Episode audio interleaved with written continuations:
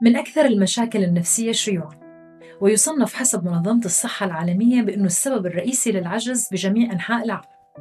هالمشكلة النفسية بالعادة بتترافق مع شعور بالحزن، اضطرابات بالنوم وتغيرات بالشهية للطعام وقلة التركيز وفقدان الاهتمام والدافع بالحياة لفترة بتتجاوز الأسبوعين.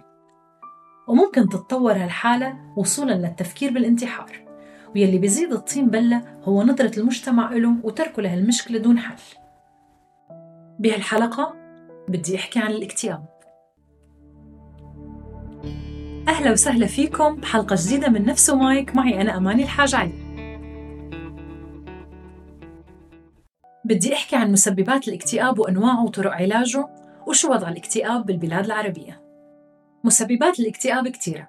ممكن تكون أسباب تتعلق بالبيئة اللي عايشين فيها مثل ظروف مادية أو اجتماعية صعبة. أو ممكن تكون أسبابه جينية أو وراثية. لما بيكون في بالعيلة حالات اكتئاب سابقة وأنواع الاكتئاب عديدة. فمثلا نسبة منيحة من النساء هم عرضة لاكتئاب الفترة المحيطة بالولادة وسكان الجزء القريب من القطب هم أكثر عرضة للاكتئاب الموسمي نتيجة الفرق الكبير بين ساعات النهار والليل. وفي الاكتئاب ثنائي القطب يلي بيجي على شكل نوبات مرة سعادة وطاقة عالية وثقة بالنفس ومرة العكس تماما. وإذا ترافقت الأعراض مع هلوسات بحيث يصير الشخص يشوف أو يسمع أشياء ما لها وجود بالواقع أساسا فهذا بيكون الاكتئاب الذهاني ال Pharma Journal نشرت مقالا عملت بقسم العلوم الصيدلانية بجامعة كارباغان بالهند بعام 2012 عن طرق علاج الاكتئاب حسب نوعه ومسبباته الأسلوب الأول والمشهور كتير هو ال CBT Cognitive Behavioral Therapy أو العلاج السلوكي المعرفي. تعتمد هالطريقة على جلسات حوارية بين الشخص والأخصائي النفسي. فيها بيحكي الشخص عن مشكلته النفسية وشو هي المشاعر السلبية اللي بتأثر عليه وكيف عم يكون سلوكه بفترة الاكتئاب.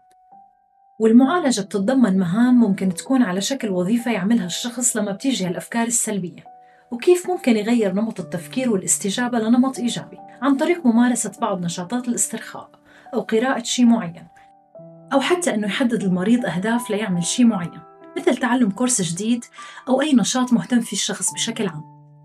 في كمان العلاج النفسي الديناميكي Psychodynamic Therapy وهذا العلاج بيفترض أنه الاكتئاب بيصير بسبب الأحداث اللي بتنشأ غالبا بفترة الطفولة. وأهدافه هي أنه يصير عند المريض وعي أكثر بخصوص هالمشاعر المتناقضة والمقلقة. ومساعدة المريض على تحمل هالمشاعر بشكل أكثر فاعلية ووضعها بمنظور مفيد. وفي العلاج الشخصي يلي بيفترض أنه الاكتئاب بيحدث نتيجة ضعف الدعم الاجتماعي. أو المشاكل يلي بتحصل بالعلاقات سواء كانت مع الشريك أو الأسرة أو العلاقات بالعمل. وبيتضمن العلاج فحص العلاقات الاجتماعية مع الأشخاص المهمين بحياتك. والهدف هون هو تحديد الدور اللي بتلعبه هالعلاقات وإيجاد طرق لحل النزاعات. في كمان العلاج الدوائي يلي بيأثر على النقلات العصبية بالدماغ مثل السيروتونين والدوبامين المسؤولين بشكل أساسي عن الشعور بالسعادة والراحة النفسية وبالتالي بينعكس تأثير الدواء على تحسين المزاج عند المريض. ممكن يختار الطبيب خليط من علاج جلسات والأدوية مع بعض حسب حالة المريض أما بالنسبة للمرضى يلي ما حسوا بتحسن من العلاجات اللي ذكرناها ففي العلاج بالنبضات الكهربائية والعلاج المغناطيسي. وهدول بيحددهم الطبيب ليعطي ومضات كهربائية أو مغناطيسية والهدف هون هو تغيير البيئة الكيميائية للدماغ.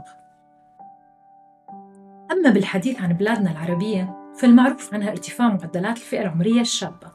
والملاحظ أن الشباب فيها بيواجهوا مشكلة الاكتئاب بمرحلة مبكرة من عمرهم والمعاناة من الاكتئاب بفترة مبكرة من العمر خطرها أكبر لتأثيرها على مستقبل الشباب بأكمله في دراسة انعملت ب 2016 تحكي عن الاكتئاب عند المراهقين بالبلاد العربية. دراسة مهمة لأنها حددت العوامل المرتبطة بالاكتئاب واللي هي أسباب مثل الفقر والصراعات السياسية أو الحرب وتزايد حالات الانفصال الاجتماعية بمجتمعاتنا كلها أسباب بتزيد تعرض الشباب لنسب اكتئاب أعلى. كمان الإناث هن عرضة أكثر للاكتئاب من الذكور لأنه الأنثى بطبيعتها بتحتفظ بمشاعرها.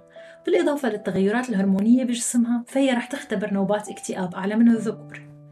شيء مهم كمان ذكرته الدراسة وهو نمط الأبوة المتساهل أو الغير مهتم بتفاصيل الحياة اليومية للمراهق.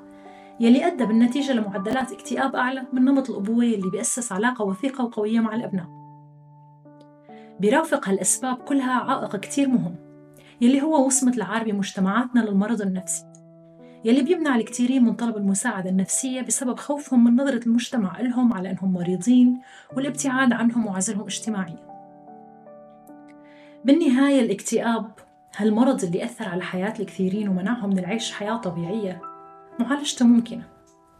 فضرورة تقبل المشاكل النفسية ولغي وصمة العار المرتبطة فيها والتأكيد على أهمية الصحة النفسية بالمدارس والجامعات وبناء علاقة جيدة بين الآباء والأبناء رح يخلي مجتمعاتنا أقل اكتئابا.